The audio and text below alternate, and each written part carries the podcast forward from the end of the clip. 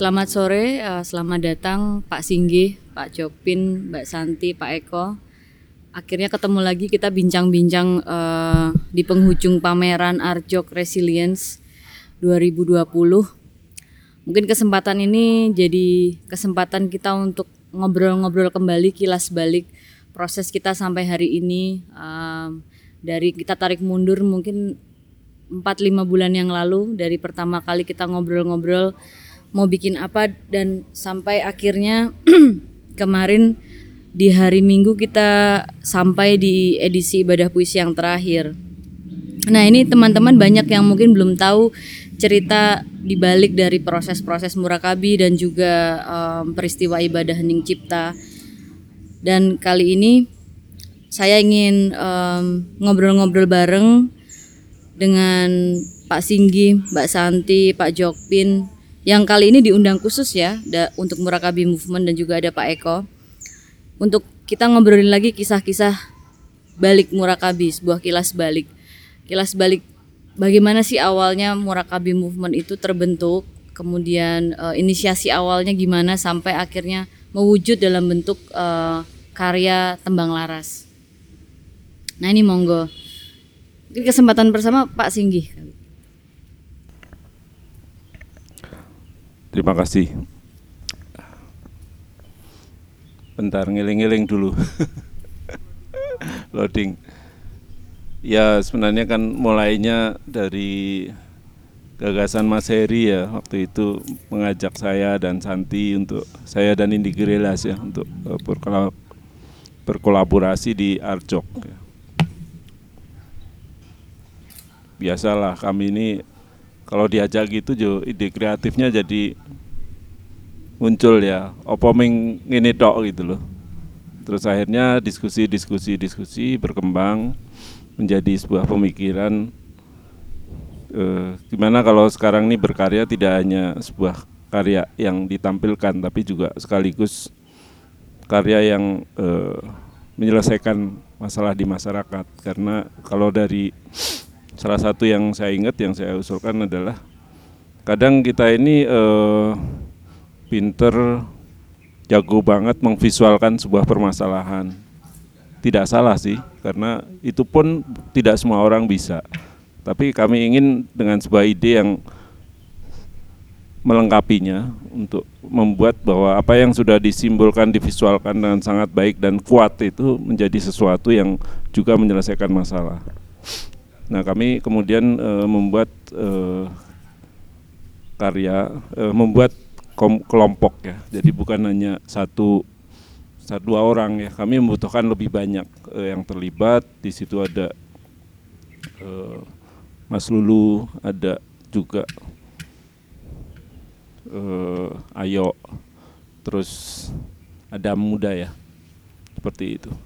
Ya akhirnya karya itu mewujud di karya Murakabi yang kemarin dengan salah satu yang kemudian uh, kami uh, apa ya uh, wujudkan dalam bentuk warung warung Murakabi. Kenapa kemudian warung? Ya karena warung itu satu tempat yang menurut kami penting dan sehari-hari ya. Warung bukan toko, bukan bukan mall juga gitu. Warung adalah sesuatu yang sangat akrab, dekat dengan kehidupan kita dan salah satu hal yang kami uh, sadari adalah gimana sih kehidupan yang rumit ini menjadi lebih sederhana. Dan kesederhanaan ini apa sih? Ya akhirnya Santi uh, mengusulkan nama Murakabi ya. Karena Murakabi itu artinya banyak banget dan dalam ya. Kalau saya lebih senang memaknai dengan kata nyukupi. Karena dengan kata nyukupi itu sebenarnya semuanya selesai gitu loh. Nah ini yang sebenarnya yang kalau menurut saya penting ya eh, kita biasanya udah terlalu rumit ya. Bagaimana kita menggarap dan menghidupkan kembali kesederhanaan yang punya daya, ya, yang punya energi penyembuhan lah seperti itu. Teman-teman, eh, saya kira menikmati ya proses ini walaupun memang prosesnya ya berliku-liku ya. Tapi sampai hari ini kalau menurut saya saya merasa senang sekali karena ini mengalir ada eh, kemudian kami merumuskan murakabi ini menjadi sebuah movement ya. Jadi bukan hanya kelompok seniman tapi sebuah movement di mana yang bisa bergabung siapa aja sebenarnya. Jadi di uh, Arjok Resilient tahun ini ada Pak Eko, ada Pak Joko Pinurbo, ada Mas uh, Gunawan uh, Marianto. Marianto, kemudian Mas Lulu masih ikut. Uh, siapa lagi? Oh ya kolaborator, para kolaborator dan ada Mas Kenes ya. Kenes ini e, sebenarnya bukan seniman ya, mereka lebih banyak di perkoperasian e, e, tapi e, semangatnya ya kita merasakan ada frekuensi yang sama. E, ini menarik ya, bagaimana menghubungkan banyak banyak e, banyak apa banyak profesi. Dan yang salah satu yang paling menonjol menurut saya yang baru karena kalau ada empat sehat lima sempurna lima sempurnanya ini ada puisi hari ini kalau desain Pak Eko kan desain ya. Sebenarnya itu juga udah masuk dulu walaupun Pak Eko dulu belum terlibat intensif. Tapi e, hal yang baru yang kami e, merasa disehatkan kembali ini karena ada yang menyempurnakan yaitu puisi dan saya merasa saya sendiri merasakan bahwa oh ya ini ada sesuatu yang memang kadang-kadang kita lupa kata-kata itu juga sebenarnya gizi ya. atau eh, kadang kita melihat sesuatu yang dalam dimensi-dimensi ya verbal itu hanya sesuatu yang verbal. Padahal kalau kita ngomong visual itu kan visual itu tidak hanya visual ya. Visual itu bisa bisa berupa ruang bisa berupa imajinasi. Sama sebenarnya. Jadi uh, uh, ungkapan verbal kata-kata itu juga sebenarnya punya dimensi yang sama. Dan saya, saya pikir kegiatan murakabi ini justru menyadarkan kami semua bahwa kita itu bisa be, berinteraksi karena sebenarnya tiap tiap hal itu punya eh, lapisan-lapisan uh, atau uh, yang sebenarnya punya punya kesamaan bahasa seperti itu. Nah sekarang ini uh, kami kalau saya sebenarnya yang melegakan selain setiap proses ini kemudian uh, memperkaya movement ini dan memperkuat movement ini. Kedua, sebenarnya yang saya idamkan adalah warung murakabinya itu buka dan saya bisa bilang tumbas gitu Seperti itu. Ini sebenarnya impian saya. Jadi eh, bagaimana kemudian nanti setelah Arjok Resilience itu betul-betul eh, menjadi tadi ya murakabi resilient dan Arjok movement seperti itu. saya kira itu ya dari saya. Mbak Santi mungkin mau menambahkan dulu. Ya kalau kalau balik sam sampai ke belakang banget itu uh, ya ya tadi sebagian besar udah diceritakan Pak Singgih cuman ada beberapa hal. Saya saya mulai mulai yang ini ya uh, kenapa akhirnya jadi warung kelontong dan menjual produk yang curah gitu. Jadi itu tiba-tiba terbersit aja karena saya ingat saat uh, kami berdua melakukan residensi di Jerman itu ada salah satu uh, mentor kami yang mengatakan bahwa ke depan ini kesenian tuh harus ada punya peran yang lebih gitu tidak hanya sekedar menghasilkan Eh, karya-karya uh, yang indah saja, tapi sebentar lagi kita semua akan tenggelam gitu. Jadi kamu harus punya peran untuk ya berperan aktif untuk kelangsungan hidup planet ini gitu. Wah berat ba banget ya.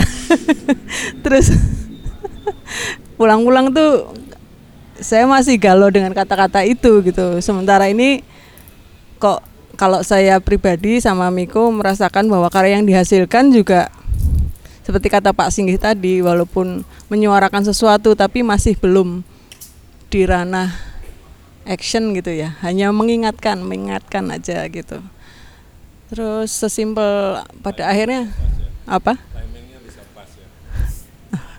Ya. terus pada akhirnya ya udah ketemu yang simpel uh, untuk menghindari plastik marilah kita berjualan barang-barang yang curah. Itu simpel banget sederhana aja mulai dari sederhana gitu. Terus kita juga berusaha ya inilah selaras dengan hal itu. Lalu selanjutnya begitu masuk ke Murakabi yang sekarang itu kenapa hanya uh, tidak hanya sandang pangan papan lalu ada puisi itu uh, sebenarnya terasa gini dari dari yang 2019 itu dari penjualan produk itu yang paling laku adalah essential oil, uh, insomnia, stres, pusing, nggak bisa tidur. Apalagi ya kemarin itu. Pokoknya yang yang oh depresi. Jadi terus saya berpikir, ya itu dat data yang laku itu pak. Jadi aku berpikir ada apa ini gitu. Sementara kok sepertinya semua orang Indonesia itu orang yang religius gitu. Jadi ada apa ini ada ada ada yang salahkah gitu sementara itu saya berpikir bahwa apakah cara memaknai sesuatu terutama kitab suci itu sangat literal gitu. Jadi ada yang masalah dengan cara membaca atau cara memaknai. Lah itu kan menurut saya berarti apakah bahasa Indonesia-nya itu gagal gitu? Apakah dari uh, sekolahnya apakah yang mengajar atau sistemnya atau apa pun gitu? Nah saat saya membaca buku salah satu yang membedah puisi Pak Jokpin tentang bahasa Indonesia itu Pak itu saya merasakan bahwa oh berarti memang uh, dari apabila dari kecil sudah disajikan beberapa buku yang menggugah hati lalu uh, membantu kita untuk belajar memahami layer-layer jadi tidak tidak hanya uh, hanya ditunjukkan baca satu layer saja. Nah, dari situ terus pada akhirnya sepertinya puisi ini jadi bahan yang pokok gitu. Jadi saya saya berpikir bahwa sandang pangan papan dan puisi. Nah, saat Pak Singgih juga ini saya bikin sesuatu nih, tulisan tentang spiritual dan material. Jadi spiritual. Wah, ini menarik. Ternyata Iya, oh iya ya.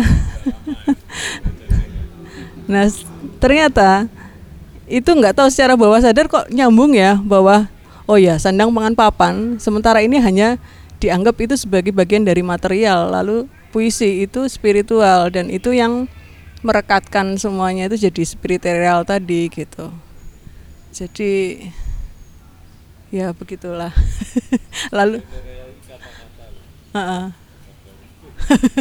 Jadi secara nggak langsung waktu itu Pak Singgi sebetulnya sudah memberikan stimulus awal ya, ya. menjadi penyair. Iya.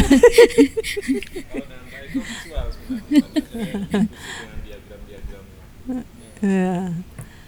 Nah, uh, lalu yang terbayang uh, di beberapa buku puisi Pak Jokpin, lalu langsung yang awal muncul adalah sebotol air hujan itu tadi sebotol air hujan untuk Sapardi terutama terus berkembang berkembang berkembang terus jadi ya pada akhirnya uh, saya saya saya diskusi dengan Pak Jokpin Pak kayaknya bagaimana cara kita bisa uh, apa ya membahasakan spiritualitas itu hal yang sehari-hari yang ada di semua kegiatan sehari-hari lalu Pak Jopin bilang, wow itu raga widya sekali, wah berarti pas gitu. Ternyata yang saya pikirkan ada semua itu di raga widya. Jadi itu juga seperti kitab buat saya untuk, oh ini pas, ini pas, ini pas gitu. Jadi guide untuk untuk murakabi yang movement yang sekarang ini. Gitu. Nah cara metode kerjanya gimana nih? Karena uh, ini kan menarik nih bahwa lapisan karya tembang laras ini uh, kalau misalnya meminjam istilah dari Murakabi movement yang tadi adalah spiritual tadi gitu ada yang spiritual yang itu juga masuk ke dalam kesadaran orang yang melihat penontonnya atau kesadaran pembuatnya yaitu senimannya. Uh, juga bicara material gitu deh masih ada bentuk-bentuk material misalnya uh, instalasinya sendiri gitu atau uh, karya-karya yang diwujudkan di sana. Nah gimana sih prosesnya sebenarnya karena ini menarik gitu ada dua ruang yang kemudian disatukan dalam satu kerangka tubuh misalnya. Kerangka bangunan yang di, di sana kita melihat satu material yang kokoh tetapi juga ada kes, kesementaraan di sana gitu. Nah hal-hal yang uh, hal-hal ini kan sebenarnya puitis juga ya. Mungkin mau nggak diceritain gitu? Mungkin Pak Eko bisa bisa um, bisa berbagi sama kita. Uh, gimana ini mulainya Uh, saya kenal Pak Zinggeh cukup lama kenal Mbak Santi cukup lama, kenal Pak Joko juga cukup lama. Walaupun ketemu agak sering, eh agak jarang gitu, baru akhir-akhir ini.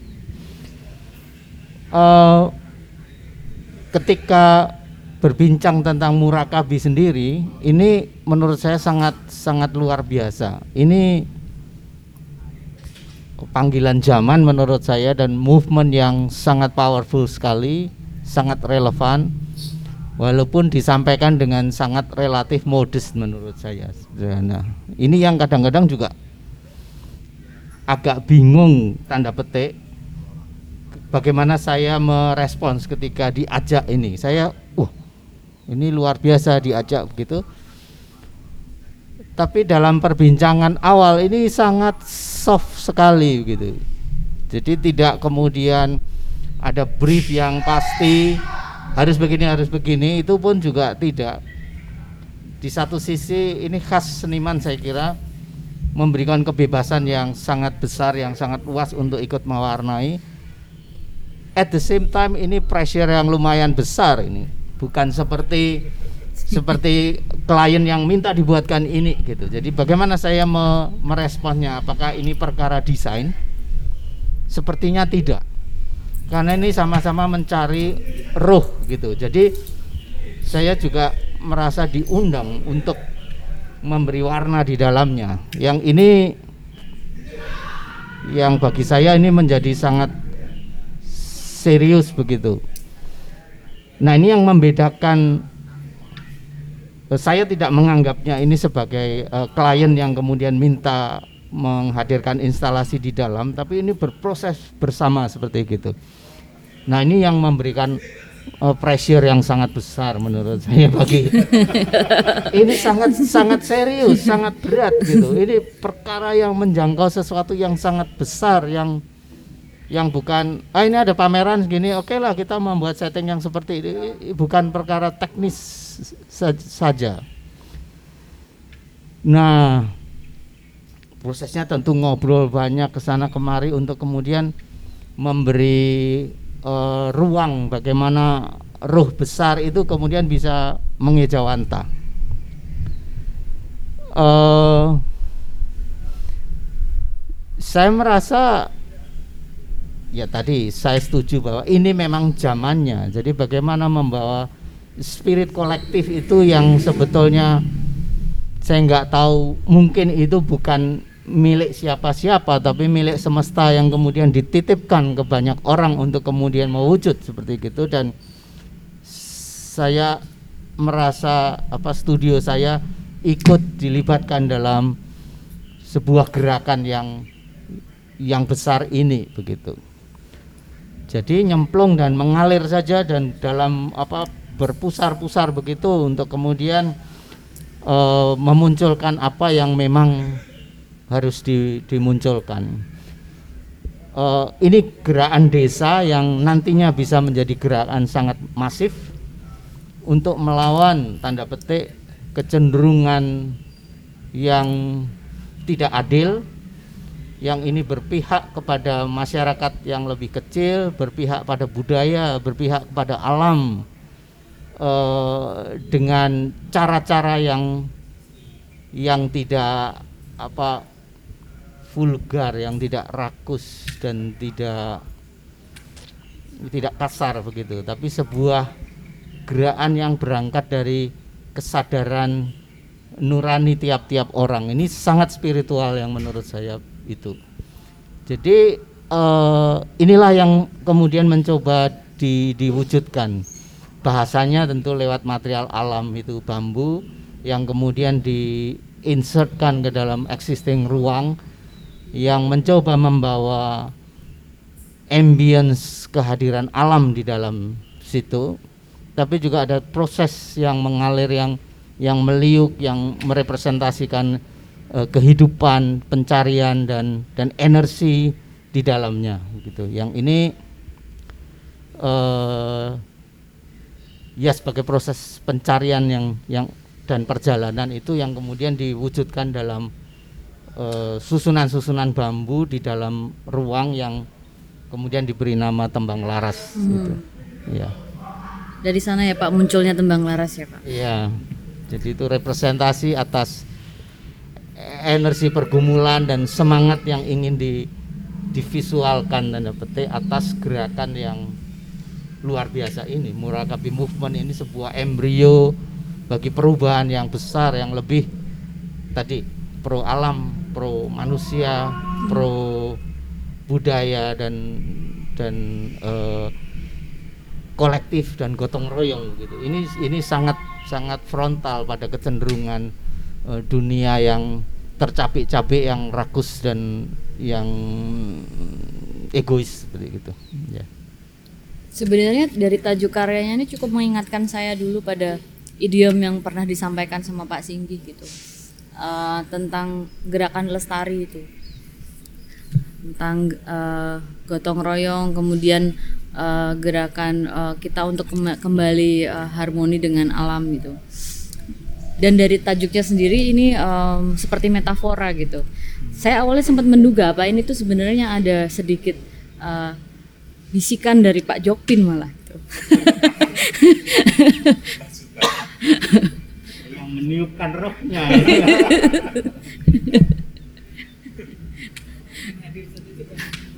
Monggo Pak Jokpin. Ya, ketika saya pertama kali diminta terlibat dalam program Murakabi, sebetulnya saya belum punya bayangan bagaimana menjadikan puisi relevan, relevan dengan gerakan Murakabi ini.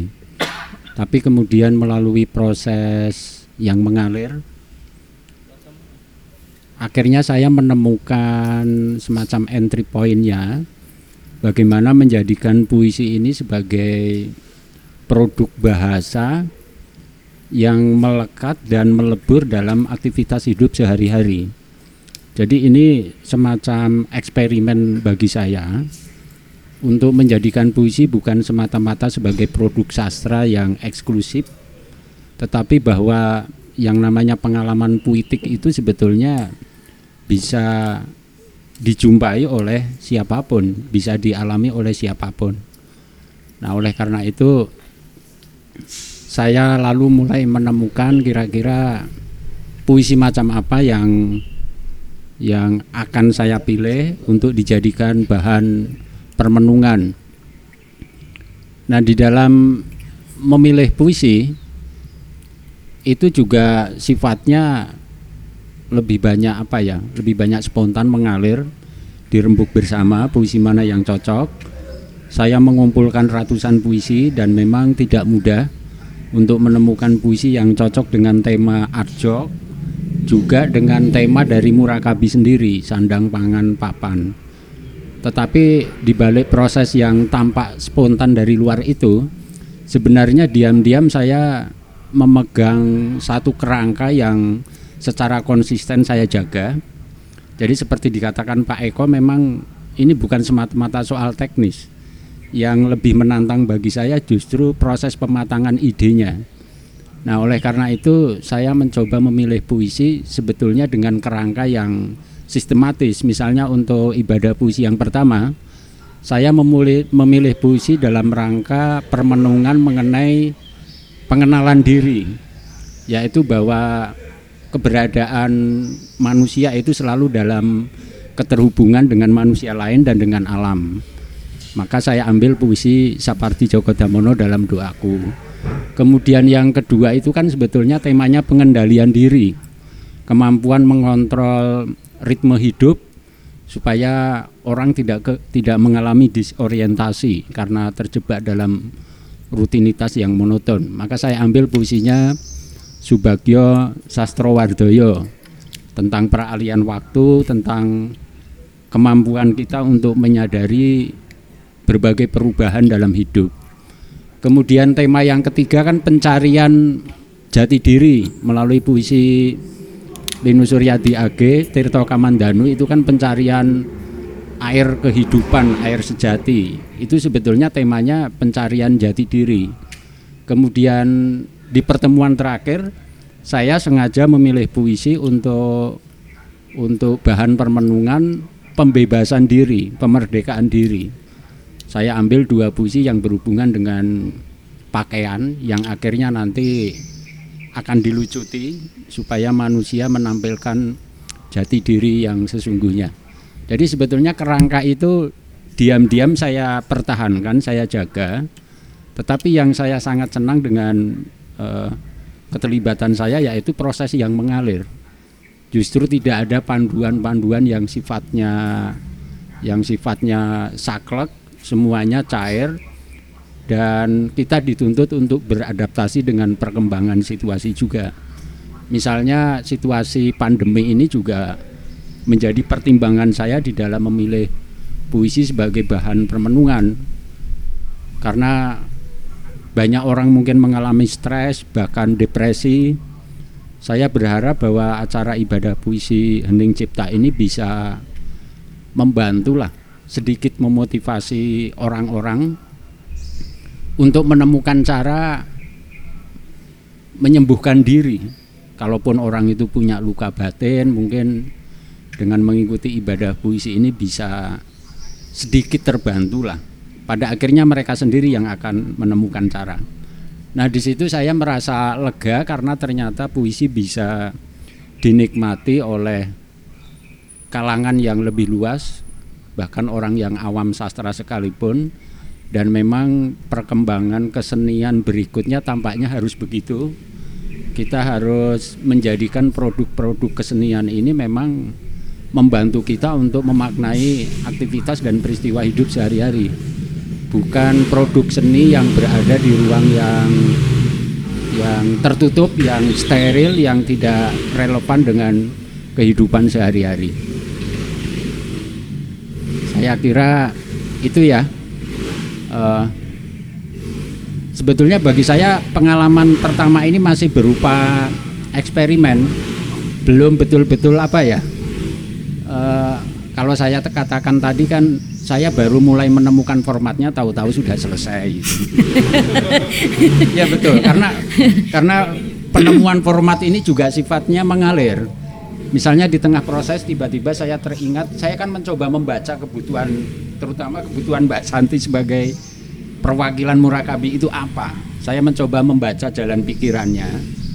Nah di tengah proses saya teringat tampaknya yang dibutuhkan oleh Santi ini semacam renungan mengenai aktivitas sehari-hari lalu saya teringat buku Raga Widya dan buku lama itu bagi saya pribadi itu sangat menolong terus terang saja.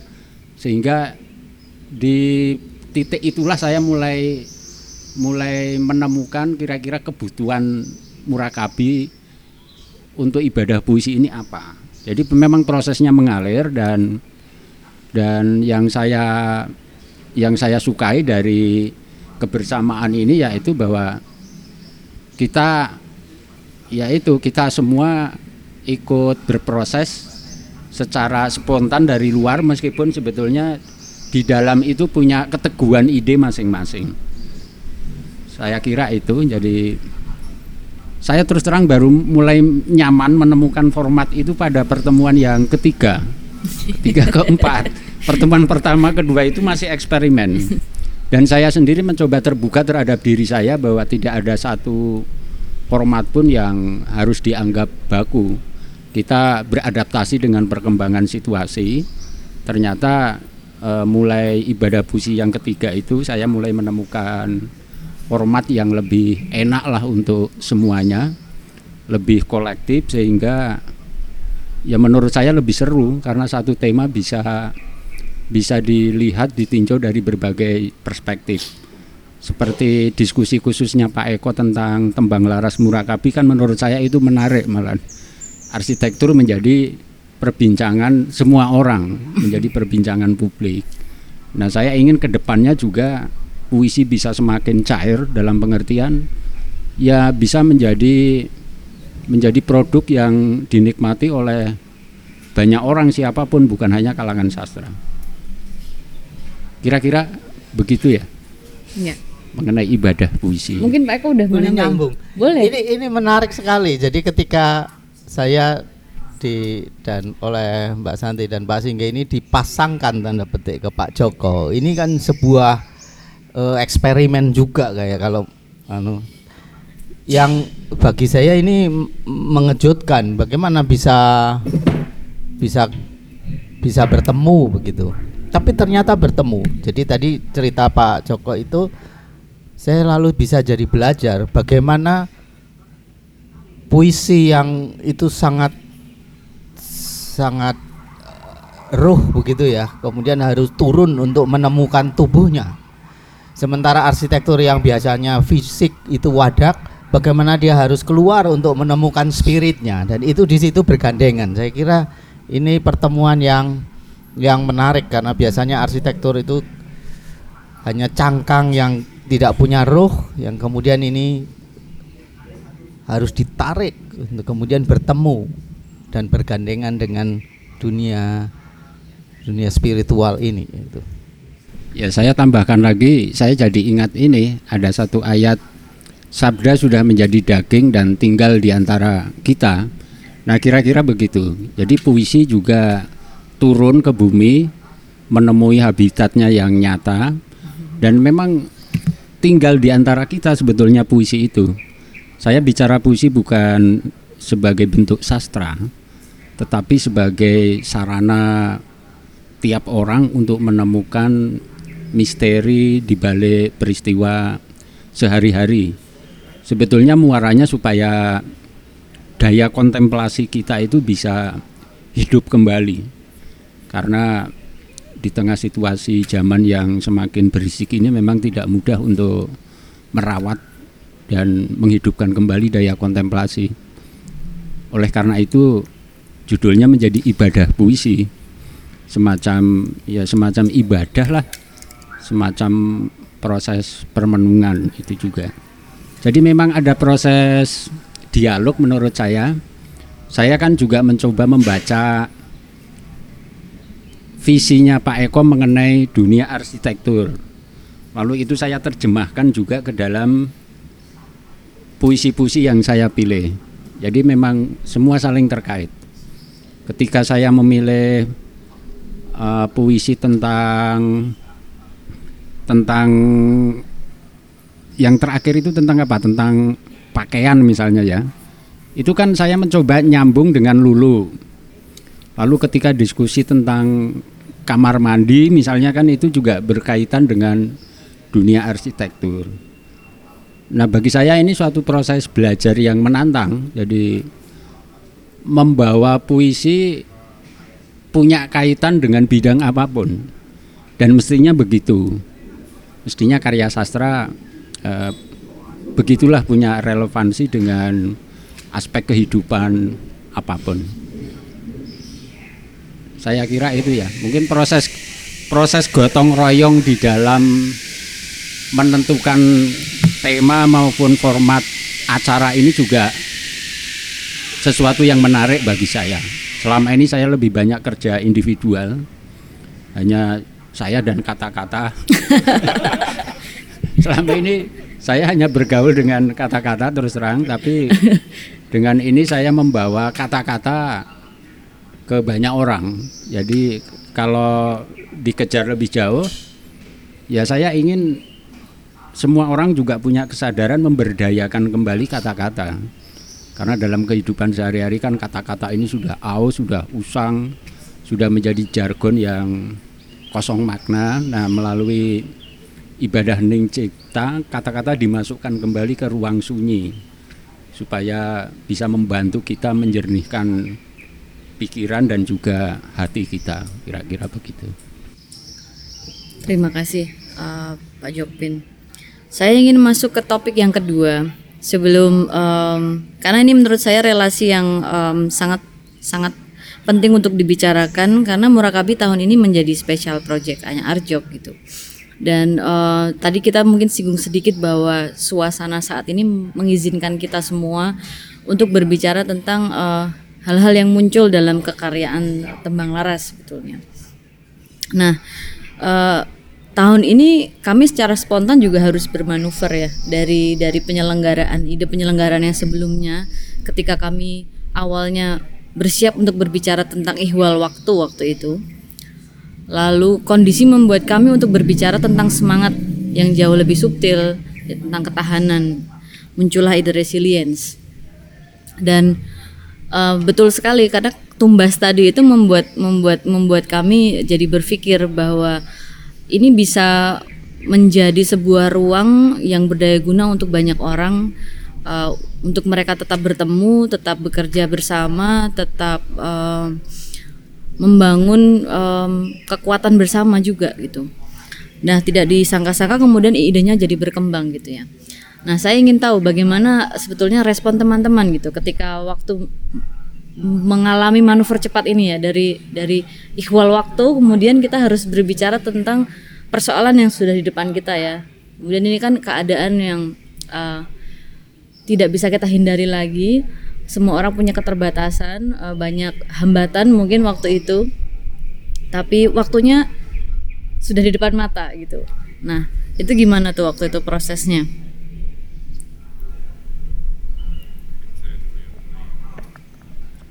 Ya, waktu uh, Arcok Resilience ini di kemudian jadi solusi dari uh, atau perubahan dari sebuah rencana yang awal. Sebenarnya saya sendiri bilang kan seharusnya kita istirahat, kita berhenti, bisa nggak kosong gitu loh. Saya sendiri sebenarnya ya kalau secara pribadi seperti itu. Tapi ya e, kemudian melihat semangat teman-teman untuk terus berkarya dan saya mulai berpikir bahwa ada pesan yang sebenarnya penting untuk disampaikan di dalam peristiwa ini dan e, dan itu menjadi sebuah pesan yang kuat. Seperti itu. Kadang kita kan e, tidak sadar ya dalam semangat semangat kehidupan yang bergerak cepat tuh kita salah lihat rupanya. Angka 200 2020 itu demikian indah dan semangat ya. Tapi sebenarnya kalau dalam simbolik e, budaya Cina itu kan kalau dijumlahkan empat. Mati berhenti.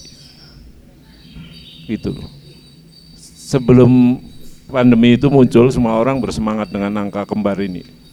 Karena ini saya nggak pernah melihat ada fenomena orang melihat dengan pesimisme yang tinggi. Semua melihat ini sebagai momentum untuk babak baru ya.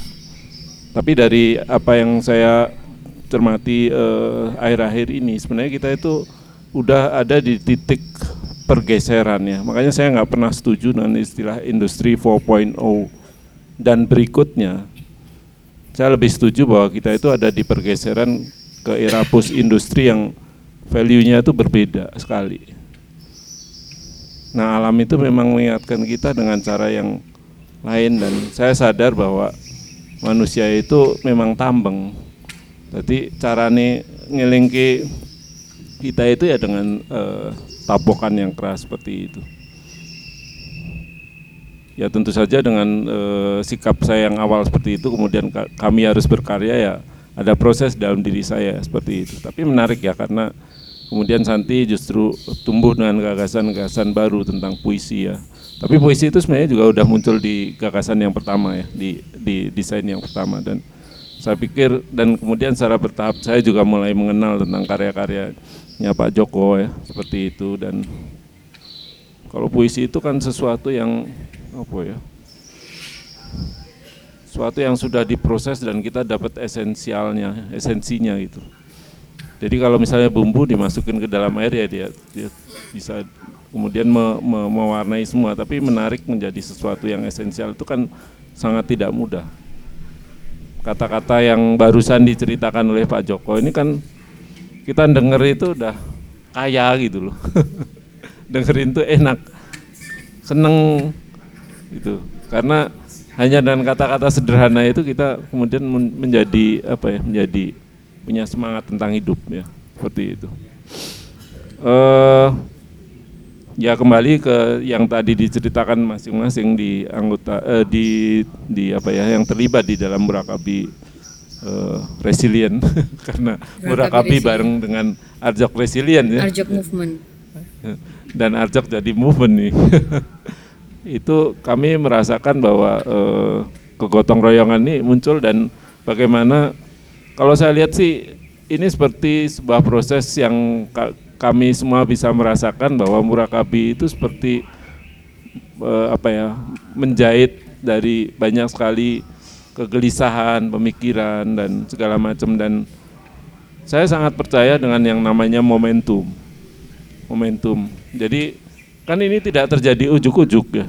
Cuma kita tidak sadar bahwa ini akan terjadi seperti ini. Saya diskusi dengan Pak Eko itu tentang uh, spiritual, sairal dan spiritual itu udah lama. Proses-proses uh, terus, kemudian tiba-tiba ketemu kembali di dalam sebuah tema yang kemudian muncul di sini ya seperti itu. Uh, saya pikir uh, apa yang kemudian muncul dari Arjok Resilient yang sekarang ini justru menarik karena event ini kemudian me, me, menjahit dari semua pemikiran-pemikiran, kegelisahan-kegelisahan, uh, kekuatan-kekuatan yang di yang ada di masing-masing pihak dan saya yakin ini sebenarnya ini tidak bercerita tentang kita semua yang ada di dalam Murakabi yang berkarya di Art, uh, Art Resilient sekarang, tapi ini sebenarnya terjadi di mana-mana. Dan saya berharap bahwa fenomena Murakabi ini akan menjadi sesuatu yang kemudian uh, apa ya menjadi fenomena yang lebih luas lagi. Bahwa kegelisahan tentang niat baik atau tentang suatu yang baik ya. Ini ada di mana-mana dan kalau seperti magnet itu dia saling menempel. Nah ini sudah dimulai di sini. Seperti yang disampaikan Pak Joko barusan bahwa kita itu butuh kemampuan untuk kontemplasi. Sebenarnya kan setiap orang merasakan itu, tapi tidak semua orang mampu mengatakan itu. Gitu. Nah ini ada Pak Joko yang mampu merumuskan dalam kata-kata. Karena setiap orang yang dia punya uh, spesifikasi perhatian yang khusus dan serius pada satu bidang, dia pasti bisa menggali lebih dalam ya seperti itu. Saya uh, basisnya desa. Uh, Pak Joko mungkin ya uh, puisi dan konteks-konteks mungkin kerakyatan atau segala macamnya hal-hal seperti itu atau kehidupan secara umum ya, seperti itu. Kemudian Pak Eko juga dengan arsitektur yang sekarang dan pilihan tinggal di desa dan segala macam itu ada suatu hal yang seperti itu. Dan saya baru aja kemudian juga melihat beberapa uh, fenomena ketika arsitek mulai melirik untuk kembali tinggal di desa dan ada arsitek yang karena harus tinggal di desa akhirnya dia mampu merasakan oh ternyata benar ya bahwa ini memang harus ada di situ. Ini bukan Pak Eko arsitek yang lain. Eh, dan sekarang ya misalnya kayak eh, apa yang terjadi sekarang eh, di setiap pandemi itu pasti ada sisi yang lain ya karena alam itu kan juga sebenarnya berkomunikasi dengan kita menyampaikan pesan tentang apa yang mereka rasakan, apa yang dirasakan oleh alam itu sendiri ya. Dan itu disampaikan kita melalui proses seperti ini. Ini yang sebenarnya harusnya kita tangkap dan kita eh, respon dengan sangat baik. Eh, saya sangat senang karena eh, apa yang kita, eh, dilakukan di kegiatan eksperimentasi kecil eksperimen kecil ini eh, mendapat resonans, resonansi ya, beresonansi ya. Jadi kita nggak jadi ke Inggris ya. karena karena mungkin sebenarnya secara tidak sadar kita tahu akan terjadi sesuatu ya. Seperti itu. Jadi waktu itu dibatalin, kemudian e, ternyata resonansi itu ada di sini. Ya. Yang maksudnya resonansi itu bukan karya di London ya, tapi karya itu ada di sini seperti itu. Nah ini sebenarnya makna-makna yang kita kadang tidak tahu dan kok ada pandemi susah sekali ya kayak gitu. Tapi sebenarnya memang dalam pengalaman hidup orang itu kesusahan itu justru satu cara yang paling efektif untuk mengedukasi kita semua ya seperti itu. Gitu. Ya Tadi kita sudah singgung sedikit ya tentang um, apa sih sebetulnya kisaran yang ada dalam Murakabi Movement. Kita bicara tentang gotong royong menyembuhkan, sandang, pangan, papa, dan puisi. Kemudian uh, tentang konsep spiritual uh, yang mencoba menggabungkan antara spiritual dan material dan juga instalasi yang digarap oleh Pak Eko yaitu Tembang Laras. Nah saya mungkin ingin um, geser ke Mbak Santi nih. Saya ingin em, tahu lebih dalam gitu. Misalnya eh, teman-teman diajak masuk ke dalam ruang gitu, di dalam ruang batas sunyi ya. Kita melewati batas sunyi dan kita em, melewati lorong tembang laras. Lalu kita memasuki em, instalasi itu secara utuh gitu. Apa yang akan kita jumpai dan juga em, bagaimana penentuan-penentuan artistiknya, Mbak? Iya. Ini mengalir lagi. Saya juga nggak ngerti tiba-tiba dapat aja. Jadi sebenarnya begitu eh, terakhir kita eh, apa diskusi untuk Arjok yang sebelum pandemi itu kan Maret ya bahwa bahwa Murakabi akan ada di bawah pohon beringin. Maret lalu tiba-tiba ada perubahan kita dikontak lagi bulan Juli. Saya lupa Juni mungkin. Juni ya, Juni. yang start mulai bangun itu Juni ya, Juni. Itu kan cepet banget gitu.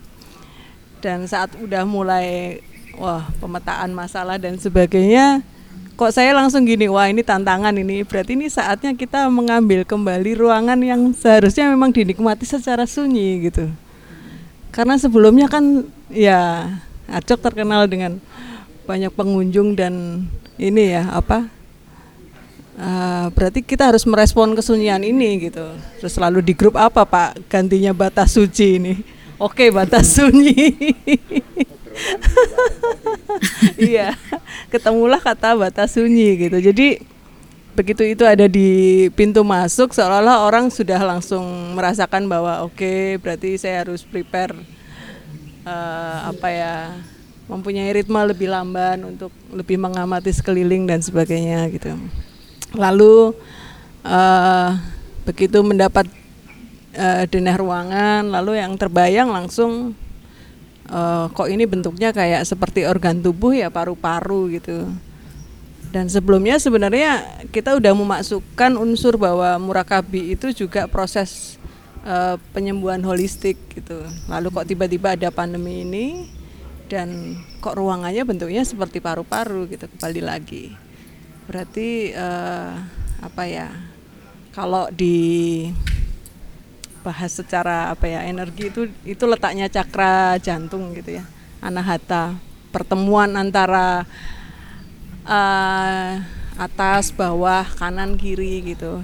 Jadi eh, ya tadi material spiritual lalu eh, ya semuanya bertemu di tengah-tengah gitu Nah, dari dari dari situ kita kebayang oke berarti satu bilik itu untuk spiritual, satu bilik untuk material. Pad- Pada akhirnya material itu eh, mewakili paling tidak apa ya murakabi sebelumnya lah. Ada jembatan bahwa oh ini murakabi yang lalu seperti ini gitu. Terbentuk sebuah ruangan yang sangat ramai pasar tapi tidak ada kegiatan.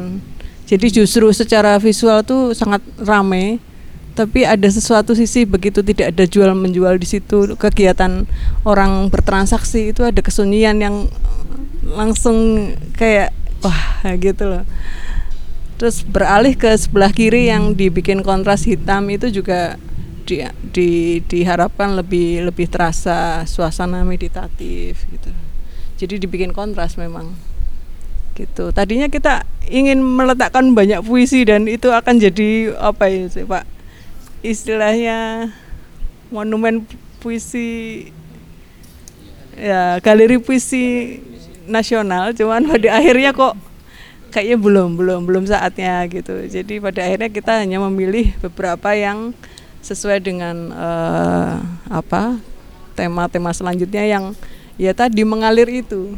Pada saat menemukan batas sunyi itu saya pun belum tahu eh, bentuk warungnya akan tersaji seperti apa. Karena kita ternyata oh nggak boleh mbak jualan langsung. Nggak terima cash. Loh ini apa lagi nih? Saya bingung. Terus oke berarti apakah kita harus bikin program? Program seperti apa? Lalu apakah barang-barang dari rekan-rekan eh, kolaborator Merakabi ini tersaji dalam bentuk paket? Karena itu lebih memudahkan dan bisa dijual online. Lalu saat itu program pertama memang jelas yang terpikir adalah ibadah puisi hening cipta. Jadi kita mengajak untuk bermeditasi lah ya. meditasi lalu saat itu bagaimana caranya kita membuat acara uh, daring tapi orang yang hadir pun merasa hadir juga di acara tersebut. Jadi harus ada sesuatu yang mengikat. Nah, itu kita ingin hadirkan lewat beberapa piranti yang uh, mereka beli juga dari dari uh, Murakabi dan itu harus dinikmati saat acara bersama-sama supaya terjadi hal yang sama ya, atmosfernya sama kayak menyalakan dupa atau memakaikan uh, memakai minyak essential oil, jadi wanginya sama, terus menyeduh teh yang sama gitu. Pada akhirnya kehadiran secara daring itu nggak terus lalu dimatikan terus leye-leye gitu. Jadi apa ya ada ada kebersamaan walaupun jauh gitu. Ada kata awalnya itu lalu melebar jadi piranti yang lain dan itu ya mengalir aja. Jadi sangat cepat sekali ininya. Secara interaksi gimana mbak? Ketika uh, karya ini kemudian dibuat interaktif melalui format daring ya um, untuk teman-teman Murakabi sendiri apa yang dirasakan dari interaksi melalui uh, daring ini kepada audiens gitu? Mungkin Pak Jopin ya, karena kan beberapa yang ikut lalu memberikan masukan atau malah ada statement yang menarik gitu. Seperti yang kebahagiaan itu loh, kamu lupa gitu. Nah, bagi saya pribadi sebetulnya perubahan format ini sempat bikin saya kelabaan karena awalnya kan akan dilaksanakan secara tatap muka dan kalau dilaksanakan secara tatap muka akan lebih mudah bagi saya pribadi. Di bawah pohon beringin menggelar tikar misalnya. Tapi kan lalu kita ditabrak oleh pandemi dan saya sempat bertanya-tanya ini jadi apa enggak? Itu nah ketika saya dikontak lagi kan waktunya hanya singkat kan. Waktu rapat di kantornya Mas Heri itu kan itu sudah mendesak. Saya sendiri sampai sekarang takjub itu bahwa akhirnya kok kita bisa menemukan format dengan urutan seperti itu padahal hanya hasil ngobrol di kedai kopi di situ. Bahkan sampai saat akhir kita masih berdiskusi istilah yang cocok apa ya? Padanan meditasi. Lalu Mas Cindil kan yang waktu itu masih sakit tiba-tiba mengusulkan ya sudah pakai istilah hening cipta saja. Kemudian bata suci saya ganti bata sunyi itu ya. Jadi memang prosesnya mengalir. Nah, yang bagi saya itu sangat apa ya? Sangat mengharukan itu respon dari peserta secara tidak langsung ibadah puisi ini ternyata bisa membuka semacam semacam apa ya saluran yang tersumbat di dalam diri peserta karena ada yang memberi testimoni misalnya dia mengaku sakit tapi lalu menemukan cara untuk melakukan terapi penyembuhan dengan dengan hobi apa menanam tumbuhan dalam pot misalnya yang Bu Rahmawati itu dia merasa terbantu dengan kegiatannya di masa pandemi, kegiatan kecil-kecilan itu. Lalu saya juga ingat Bu Natasa itu mengatakan bahwa selama pandemi dia bisa lebih memperhatikan tiap sudut rumahnya yang biasanya mungkin kurang terperhatikan. Kemudian Pak siapa itu Pak Pak Hermanto dia menyadari bahwa kesulitan dia memang mendapatkan waktu sunyi untuk dirinya Kemudian yang terakhir Bu Evi. Jadi dia mengatakan ibadah puisi ini menjadi semacam apa ya? Semacam ya waktu spesial bagi dia. Me time itu. Nah, itu bagi saya sesuatu yang tidak terbayangkan bahwa apa yang kita sajikan ini bisa ya bisa membuat peserta itu membuka semacam ya luka-lukanya sendiri lalu mencoba juga melakukan penyembuhan dengan caranya sendiri. Kemudian saya banyak menerima apa ya? Banyak menerima inbox itu lewat akun saya. Yang paling banyak mereka reposting itu kan repost itu kan yang kebahagiaan saya terbuat dari kesedihan yang sudah merdeka itu sangat banyak eh, menyentuh menyentuh apa ya menyentuh banyak orang yang tidak ikut acara ini pun ketika kita posting di media sosial ternyata banyak sekali yang yang ya yang memposting gambar itu dengan kutipan puisi. Lalu apa agamamu agamaku air yang membersihkan pertanyaanmu? Ini juga ternyata banyak menginspirasi orang. Ya saya tidak membayangkan bahwa kutipan puisi itu juga bisa menjadi perhatian banyak orang. Lalu produk-produk murakabi akhirnya mungkin akan dikenal khas. Jadi bukan semacam produk hanya untuk memenuhi nilai fungsional sehari-hari tetapi ada unsur ada unsur X-nya yaitu membantu orang untuk melakukan refleksi juga itu. Itu ya. Tapi yang membuat saya cukup sempat bingung sebetulnya perubahan format ini dari pertemuan offline menjadi pertemuan online virtual itu. Saya lupa itu kok kita akhirnya bisa menemukan format semacam itu ya. Bahwa ada hening panduan hening cipta lalu ada wedaran lalu ada interaksi. Itu ditemukan secara spontan sebetulnya lewat proses itu. Ya, Nah, itu. ya itu menunjukkan bahwa sebenarnya yang berkarya bukan kita. yang maha kreatif itu yang terus mengalir. ya. Terus Kalau- ada sesi terakhir tuh yang Mas Ayan, lalu ada Mbak Bennett itu juga Oh ya, yang Bu Rahma. Bu Rahma itu setelah sakit lalu dia dapat kiriman eh, paket itu lalu dia membaca kan yang eh, sebenarnya kamu lupa bahwa kamu bahagia. Nah, Ya. setelah itu lalu itu itu aja deh yang pertama kita langsung wow. Ya kira-kira begitu prosesnya Sebenarnya ini juga percobaan sih. ya ini masih eksperimen Eksperimen termasuk maksudnya eh, mengajak eh, setiap orang untuk memasuki keheningan atau memasuki ke dalam diri melalui puisi lalu menuju ke peristiwa sehari-hari seperti mandi. Lalu kok ya ada yang melakukan dan berhasil itu aku sangat takjub. Iya, iya, kan kita mengamati mereka ikut gerakan itu dipandu oleh Pak Guru Pak Cindil itu. Oh iya di sini sore ini Mas Indil nggak bisa gabung bisa, ya. sebetulnya dia bisa cerita lebih banyak itu. Nah kalau soal galeri puisi, saya kan sebetulnya sudah memilih ratusan puisi yang akhirnya tidak terpakai itu karena perubahan format ini.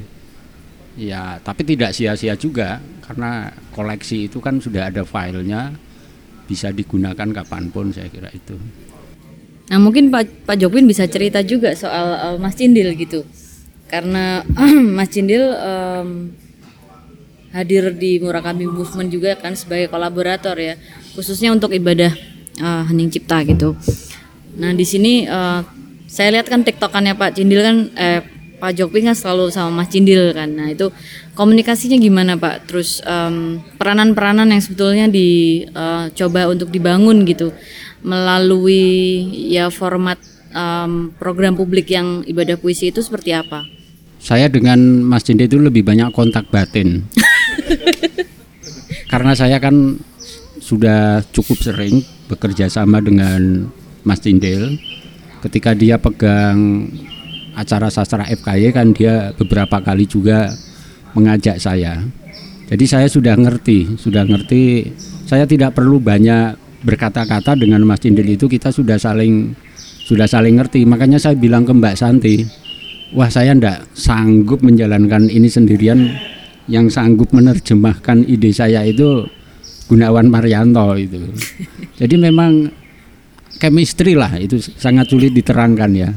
Jadi memang saya memerlukan orang yang punya chemistry dengan saya dan dia ngerti menerjemahkannya bagaimana. Karena kan dengan berubah menjadi format virtual itu menjadi berat bagi saya. Bagaimana supaya acara ini ya ada unsur meditasinya tapi kan juga sedikit-sedikit ada unsur performernya gitu loh. Supaya bukan seperti webinar itu loh. Nah saya hanya langsung teringat wah ini yang yang ngerti kayak gini Mas Cindil itu saya bilang gitu waktu itu. Nah memang eh, sulitnya saya dan Mas Cindil itu kan kebetulan sama-sama sedang sibuk-sibuknya waktu itu sehingga eh, menemukan waktu kosong untuk memikirkan secara khusus acara ini kan juga tidak banyak. Nah, tapi saya terbantu dengan dengan ruang tersembunyi apa ruang konferensi tersembunyi sebetulnya semua idenya itu ketemunya di situ kan itu. Last minute ya Pak. Iya, itu di, di- Backstage. kan pernah kita sebentar lagi kita 15 menit lagi kita mau maju apa itu loh. Akhirnya akan ketemu itu jadi kalau saya dengan Mas Cindel eh, sudah apa ya?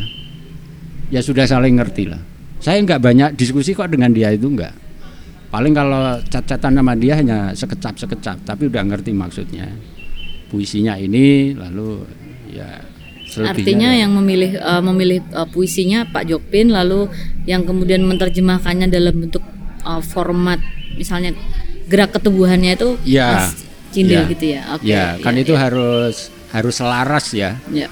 antara puisi dan dan gerak gerak teatrikalnya itu kan harus selaras dan juga saya perlu mencari orang yang memang warna suaranya itu meditatif itu loh ya, sehingga dengan dibacakan secara biasa aja sudah bisa membius menciptakan suasana ke peserta saya Gitu. kira itu jadi Baru mendengar suaranya saja sudah tenang gitu sudah ya. Tenang. Sebetulnya kan banyak pilihan, tapi untuk program Murakabi ini saya baru punya pandangan ya untuk kali ini saya mau nggak mau harus dengan cindil. Kalau saya sendirian nggak bisa.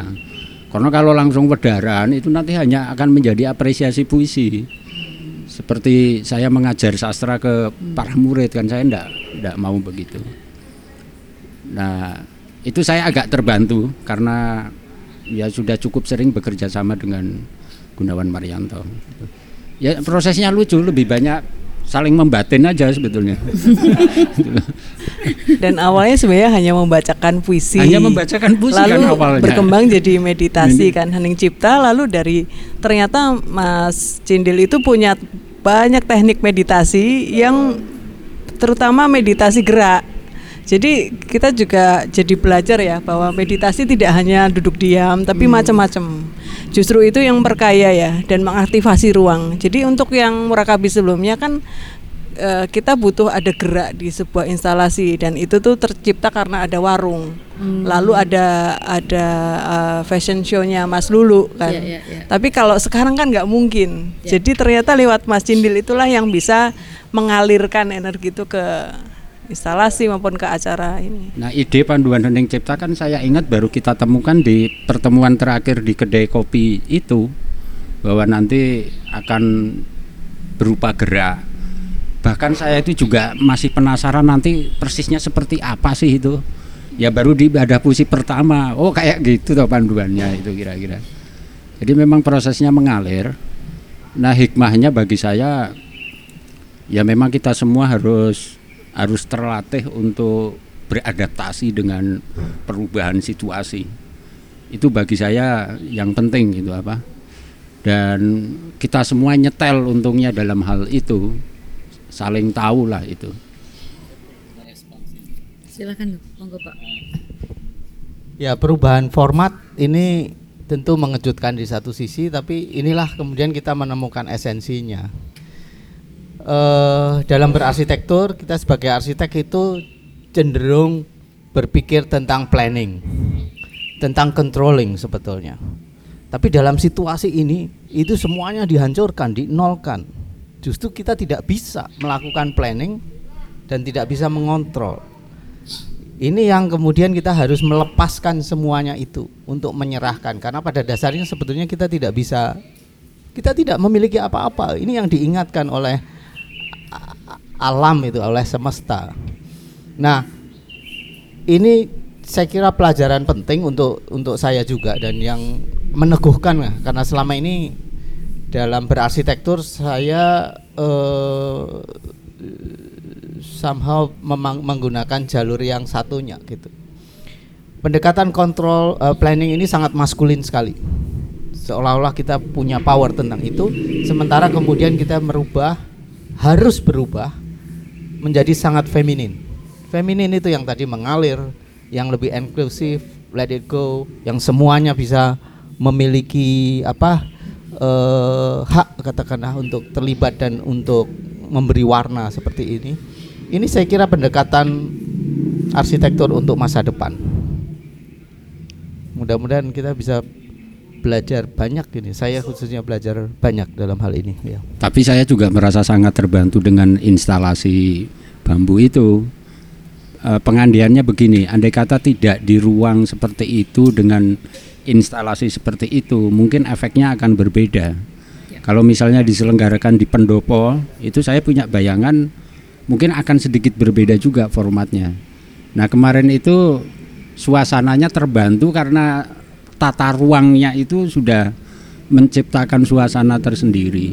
Apalagi dengan aroma ini apa? Dupa itu saya sendiri merasa sangat terbantu.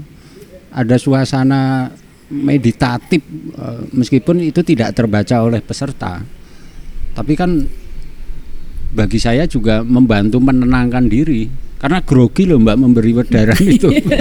memberi istilahnya itu wedaran dan ketika saya tahu pesertanya bukan orang-orang sembarangan, saya kan juga harus mengontrol diri. Saya tidak mau memposisikan diri sebagai guru. Saya hanya membantu membukakan semacam katup atau klep mereka masing-masing lah itu. Saya merasa sangat terbantu sih dengan tata ruang, dengan instalasinya itu. Nah, ya saya kira itu kalau di pendopo pasti saya akan mengusulkan salah satu materi untuk panduan hening ciptanya itu tembang mocopat misalnya itu. Itu dambaan saya karena saya penyuka tembang-tembang mocopat itu kalau misalnya di pendopo murakabi ya coba hening ciptanya nanti tidak eh, ya bolehlah dengan puisi tapi puisi yang ditembangkan. Itu akan sensasinya akan berbeda lagi. Kalau menurut saya kemarin 50% karena eh, suasana ruangan sangat membantu. Sangat membantu. Jadi suasana ruangan itu sudah berperan besar mengurangi rasa canggung saya.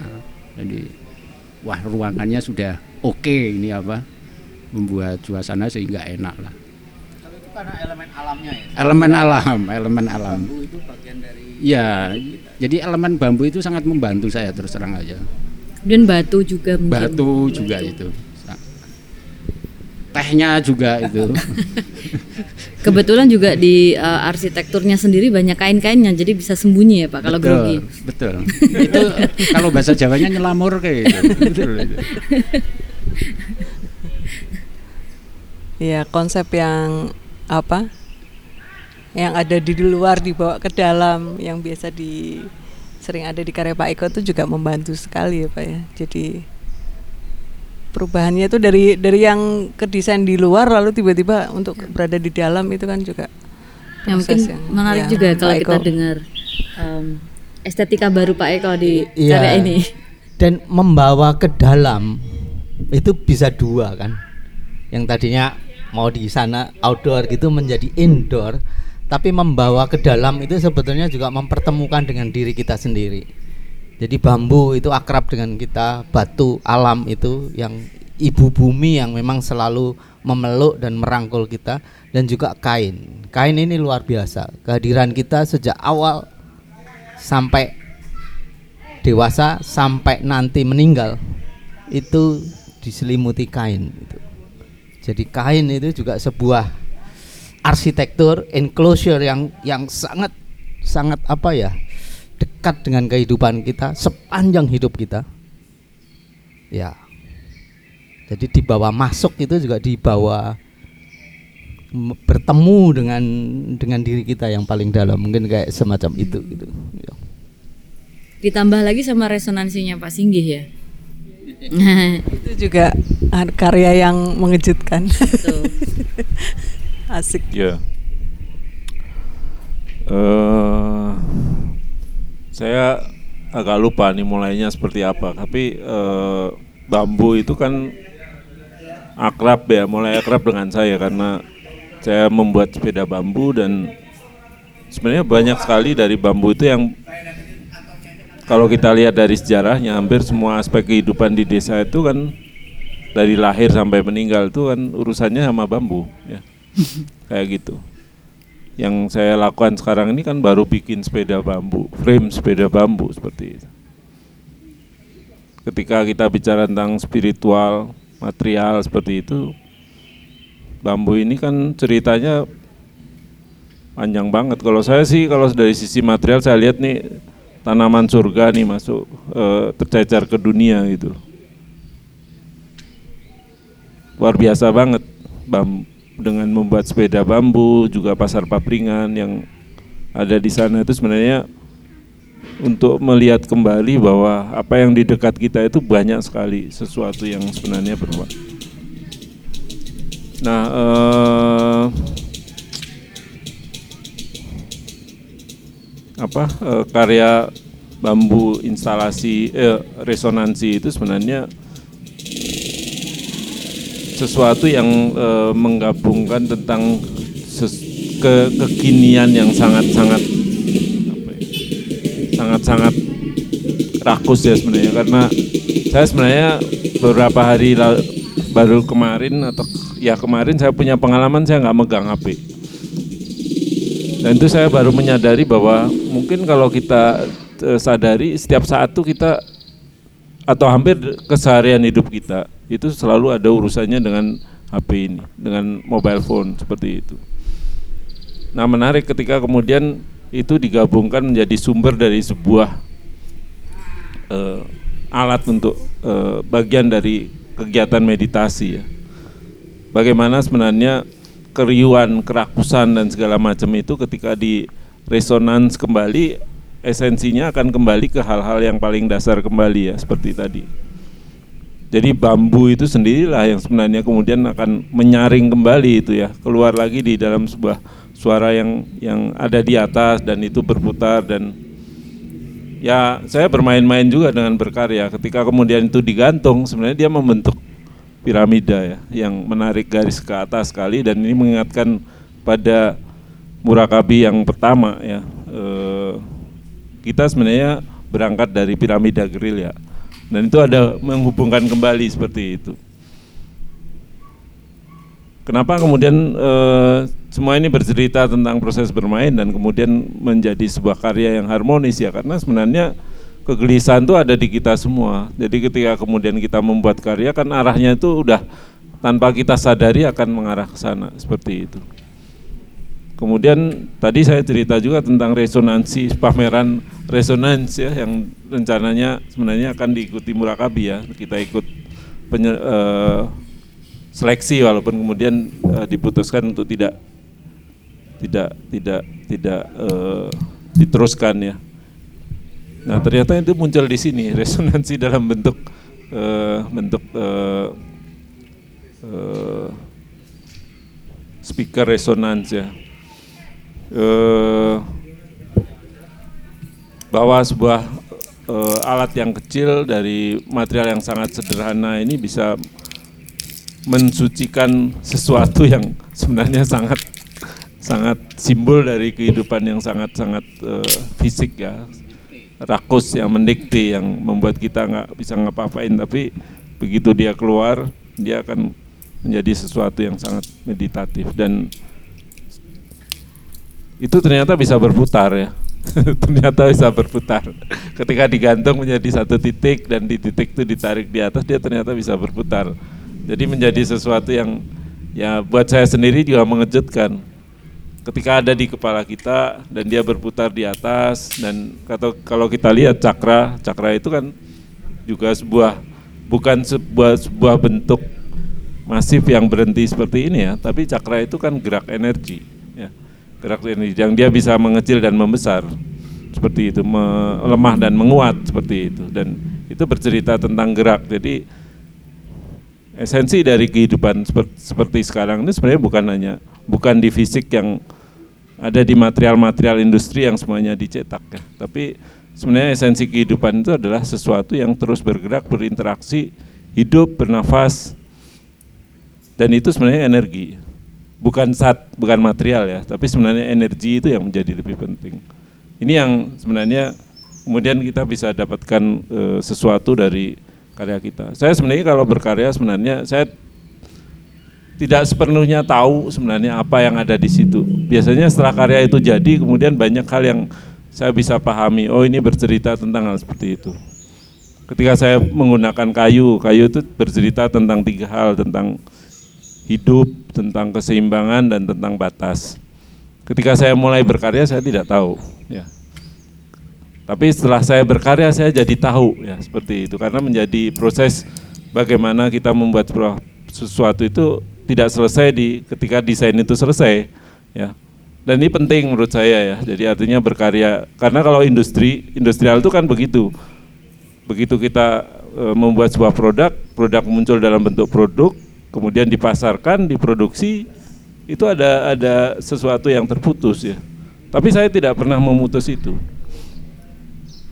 saya selalu berproses yang kemudian makin banyak yang bisa diceritakan ya artinya bagaimana me, me, men, kalau sebuah kalau kita makan tebu itu mencecap terus sari-sarinya itu. Dan kita sebenarnya dalam setiap karya itu kita selalu menemukan oh ini ada ini ada ini ada ini ada ini. Seperti itu. Ya sama di murakabi itu sebenarnya proses ini belajar lebih kaya lagi. Karena sebenarnya dalam e, pergulatan ini kan pergulatan kolektif yang sebenarnya dilakukan oleh banyak pihak. Ya seperti sekarang ini saya mendapat banyak sekali hal yang bisa saya dapat dari Pak Eko, dari Santi, dari Pak Joko tentang bagaimana mereka sebenarnya punya eh, kemampuan untuk melihat sesuatu yang lebih dalam lagi, yang kadang saya sendiri tidak bisa seperti itu. Ini eh, pergulatan kolektif ini menjadi sesuatu yang menjadi saya kira menjadi uh, nyawa atau energi dari gerakan-gerakan seperti ini. Ya mungkin nanti akan muncul karya-karya yang seperti itu, karya-karya yang sederhana tapi sebenarnya semakin lama kita gunakan, semakin banyak hal yang kita bisa dapat dan diceritakan oleh produk itu sendiri ya, seperti itu. Saya senang bisa berkarya yang hanya dibuat satu dan mungkin tidak usah diproduksi massal kayak gitu ya orang melihat ya silahkan gawe dewi gitu. Kan gampang banget gawe seperti itu. Kadang kita perlu membebaskan hal seperti itu ya. Tidak harus kemudian oh ada hak cipta ada harus lisensi dan segala macam. Ada uang pring digantung bolongi masukin bisa begitu gampang. Murakabi sebenarnya spiritnya seperti itu. Ya. Ini Pak Eko sama Pak Singgi chemistry-nya sama-sama di bambu berarti. Saya yeah. jadi uh, jadi ingat juga yang Pak Jopin pengarang sudah mati itu. Jadi hmm. kayak kita sama-sama belajar untuk uh, apa ya, yang berbicara itu bukan yang pembuatnya, tapi yang dihasilkan itu karya atau apanya jadi lama-lama yang membuat tuh siapa nggak nggak perlu juga gitu nah itu itu menarik mungkin Pak Eko betul karena rasa memiliki. Kepemilikan itu kan salah satu jenis pakaian yang memang kadang menyelimuti diri kita juga itu. Ketika puisi saya misalnya dikutip banyak orang saya menganggap itu ya ya sudah menjadi apa ya sudah menjadi karya publik meskipun pencipta awalnya jelas siapa itu. Tapi kalau saya mati kan kepemilikan itu lepas juga misalnya itu loh.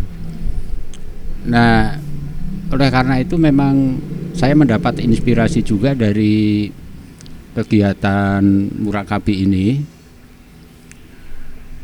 Inspirasi untuk proses kreatif saya sebagai penulis puisi berikutnya gitu loh. Bagaimana menciptakan puisi yang betul-betul semakin relevan, semakin membumi dengan kehidupan sehari-hari. Dari pengalaman saya betapa sulitnya mencari puisi yang cocok dengan tema yang telah kita sepakati itu saya tersadar bahwa memang banyak hal juga yang harus diperbaiki dalam proses kreatif para kreator ini khususnya ya kalau saya sebagai penulis puisi itu saya kira inspirasinya itu dan terus terang saya sudah punya banyak bahan loh untuk untuk puisi berikutnya dari dari pengalaman ikut program ini. Siap diterbitkan oleh Ya. Murakabi.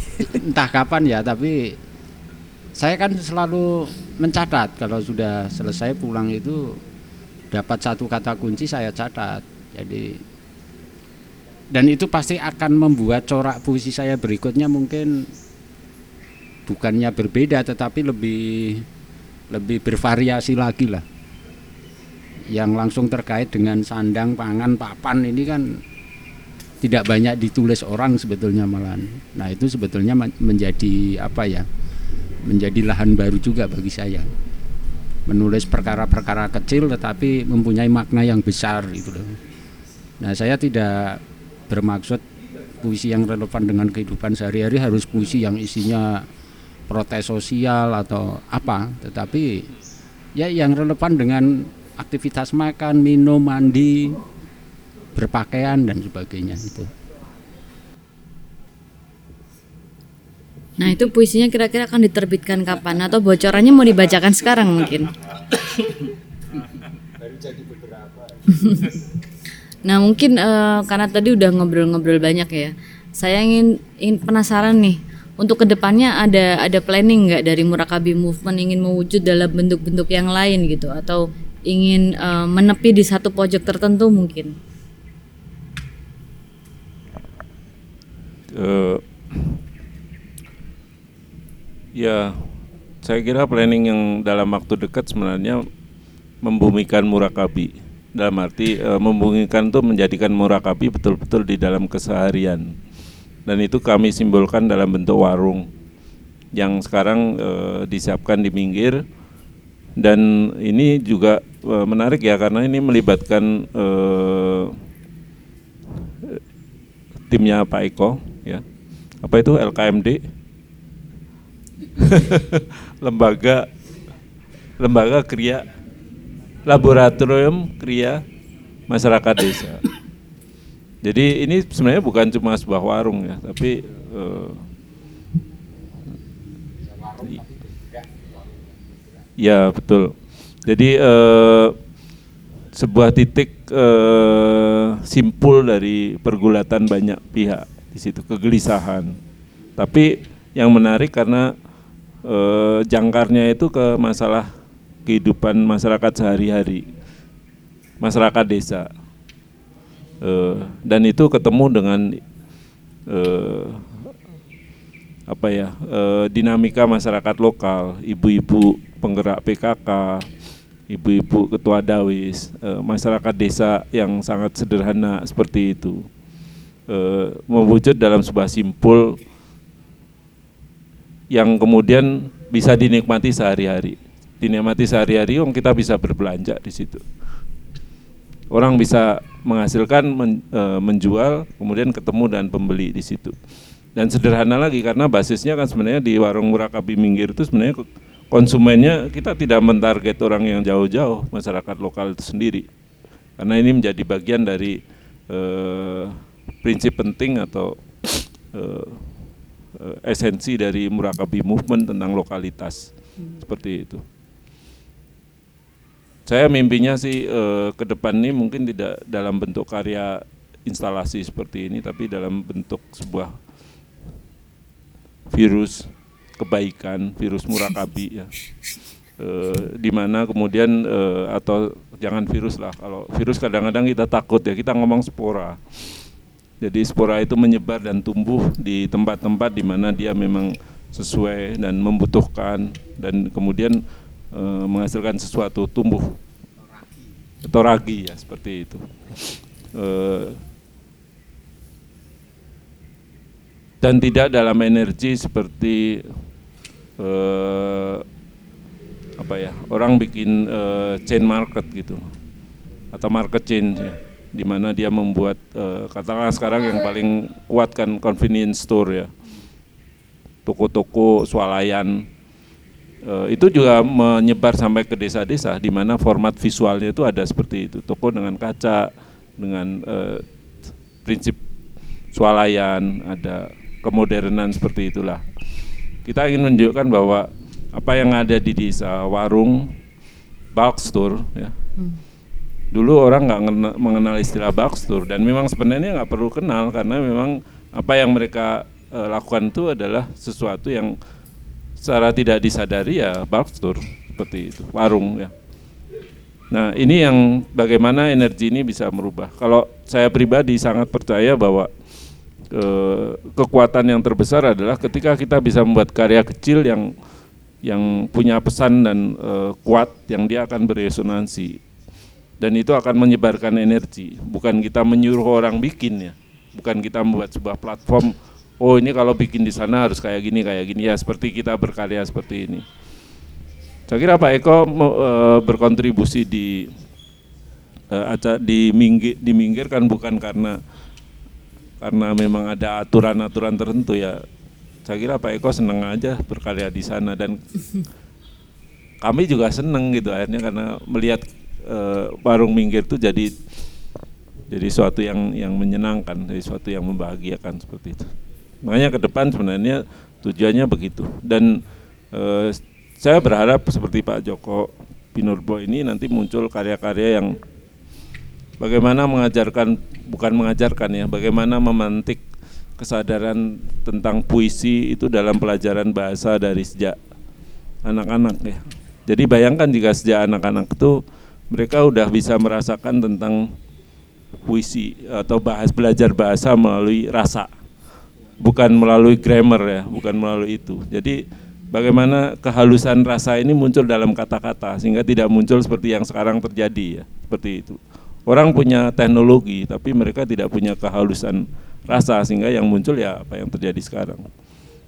Nah ini juga menantang. Nanti di di warung Murakabi itu ada buku puisi, mungkin bukan karya Pak Joko, tapi karya anak-anak SD yang eh, mereka karena melalui proses tertentu mereka bisa berkarya dan menghasilkan seperti itu. Mungkin juga Pak Eko ya tentang arsitektur, saya sendiri tentang desain.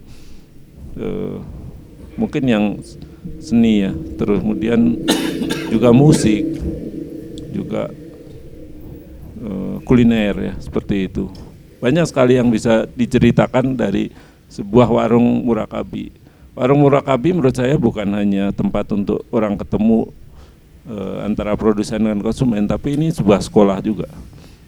Sebuah tempat untuk belajar bersama dan membangun kehidupan yang lebih baik ya, seperti itu. Menarik ya karena kita justru memperbaiki kehidupan itu tidak dengan sekolah ya, tidak dengan eh, media edukasi, tapi ya keseharian hidup yang baik itu akan jadi satu tempat untuk membuat kehidupan ini lebih baik tanpa disadari ya.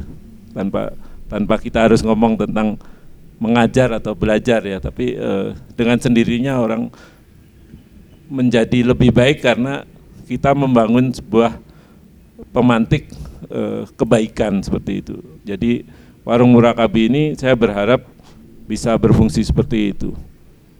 Ya saya sendiri punya keyakinan itu bisa. Karena eh, pengalaman seperti ini juga menguatkan bahwa hal itu bisa dan seharusnya bisa ya semoga alam eh, memberkahi seperti ini gitu Iya. Ini akan menjadi apa ya? movement betul yang menurut saya karena waktu dan kebutuhan pada zaman ini. Saya melihatnya juga dari sisi apa eh, menemani desa bagaimana membuat desa itu lebih eh, kuat, lebih bermartabat, menemukan akarnya lagi begitu. Sementara ini kan desa dianggap sebagai wilayah yang belum kota. Jadi kota itu sebagai model untuk memodernkan atau memajukan desa. Yang ini saya kira perlu dipertanyakan karena desa memiliki banyak kebaikan dan desa bisa menjadi modern dalam arti lebih baik, lebih sejahtera dengan tetap bertumpu pada akar budayanya sendiri. Tidak usah niru kota, tidak usah menjadi kota gitu. Nah, bagaimana ini bisa di diartikulasi gitu. Mungkin melalui arsitekturnya, melalui bentuknya, melalui penggunaan material dan seterusnya. Kita bisa mewujudkan itu dan mudah-mudahan ini jadi trigger gitu untuk menyadarkan terutama juga teman-teman di desa bahwa kita sudah memiliki identitas yaitu kendesoan kita itu yang harus dirayakan begitu. Tidak tidak harus di dilihat dengan kecil hati gitu. Biarlah kita tetap di desa, tetap desa tapi bisa menjadi hidupnya lebih sejahtera. Saya kira itu eh, impian ke depannya begitu. Oke, mungkin eh, ada yang lain? Kalau saya alam sebetulnya sudah memberi berkah dengan nama minggir itu. Jadi eh, diksi kalau saya sebagai penulis puisi ya kata minggir ini kan sangat simbolis. Minggir menepi dari keriuhan dari arus dari arus yang umum itu menarik.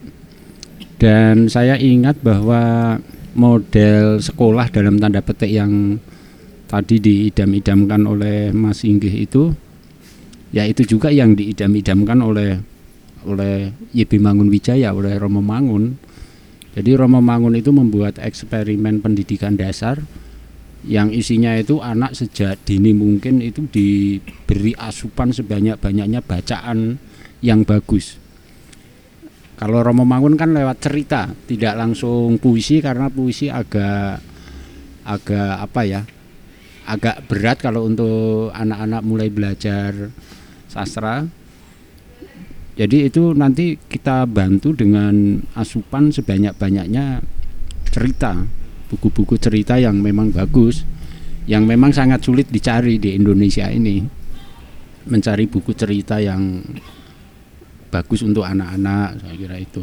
Lalu mulai dari sejarah lokal, penggunaan juga produk-produk lokal sebagai media pembelajaran semacam itu. Nah, Murakabi mungkin akan menjadi gerakan gerakan yang dalam tanda petik kecil-kecilan tetapi punya bisa punya dampak yang besar. Bukan ke bukan gerakan yang masif begitu. Kalau istilahnya Romo Mangun ya seperti pohon sesawi lah. Biji sesawi itu kan kecil tetapi dia nanti akan tumbuh besar dan rimbun jadi saya kira itulah Me mengenai bagaimana itu nanti sastra atau puisi juga bisa menjadi bagian dari itu saya yakin banyak anak muda yang sekarang tertarik dengan dengan sastra dengan puisi yang lebih bisa menjadi apa ya menjadi sarana untuk memaknai kehidupan sehari-hari juga. Bisa saja itu apa Mas Inggih menjadi sekolah untuk berbagai hal di sana. Kan ada tempatnya kan ya, ada apa? Ada pendopo saya lihat, wah itu aja udah udah lebih dari cukup kalau ada pendopo itu. Jadi anak-anak tidak datang untuk jajan Ya. ciki-ciki ya. Betul. dan, dan saya tuh pengen begini uh, memperkenalkan puisi tanpa menggunakan istilah puisi itu loh. Oh iya, menarik. Itu. Ini dari tadi yang malu-malu Mas Mas Tegar ini dari tadi belum Iya. Iya. belum bersuara ini. Jadi yang menarik itu adalah pensuplai isi warung di antaranya malah anak-anak. Karena mereka sekarang lagi lagi bikin layangan. Terus langsung bilang, saya boleh jualan di sini. Wah, itu menarik sekali gitu. Nah, Jadi, layangannya suruh ngasih tulisan juga apa itu. oh ya, oke. Kata-kata kalau istilah kita orang dewasa kata-kata yang puitis. Hmm, Tapi bagaimana membahasakannya ke mereka? Coba layanganmu itu kamu kasih kata-kata apa Oh, itu iya. loh misalnya. Itu kan akan lebih menarik. Setiap Oke. produk mereka itu sedini mungkin ditanamkan kemam- eh, kemampuan untuk berekspresi melalui kata-kata. Layangan itu juga layang kan. Layang. Oh iya benar juga. Wah ini dapat ide baru nih. Ya, a- a- apa pun anak-anak pasti kreatif kok itu atau mereka bikin apa coba kamu tambahi dengan kata-kata yang kamu suka misalnya itu apa nah itu kalau kita tadi mengikuti apa eh, cita-citanya Mas Sigit supaya sejak awal anak-anak itu bisa memberdayakan kata-kata untuk untuk kepentingan yang yang apa ya ya untuk mengembangkan nilai hidup misalnya itu itu mengajarkan puisi secara tidak langsung. Ya. Mungkin Mbak Santi mau menambahkan? Uh, ya. Pak Joven ya Pak Jopin. bukan saya menyampaikan ini ya apa maksudnya uh, kesan-kesan tim lain yang uh, ikut bergabung dalam proses ini, di antaranya juga beberapa tim dari Mas Uhid yang rata-rata juga eh, lebih muda gitu ya. Itu mereka sangat senang karena menurut mereka gini, Mbak, kalau saya dan teman-teman bikin sesuatu itu rata-rata kok idenya ngoyo-woro istilahnya kurang membumi dan tidak punya akar gitu nah saat bertemu dengan beberapa yang bisa dikatakan master dan lebih senior itu mereka sangat senang karena bisa mengunduh banyak pengetahuan jadi ini kesempatan untuk mempertemukan eh, berbagai generasi untuk untuk eh, belajar gitu ada ada pembelajaran gitu sih Oke, terima kasih banyak. Kita kemarin sudah sudah sudah baca banyak puisi, sudah em, menembus batas kesunyian bersama. Semoga em, karya ini bersama dengan sesi bincang-bincang kali ini bisa menjadi sebuah karya yang menyembuhkan ya. Seperti seperti halnya yang kita bicarakan di awal tadi bahwa gotong royong menyembuhkan untuk kita semua bersama.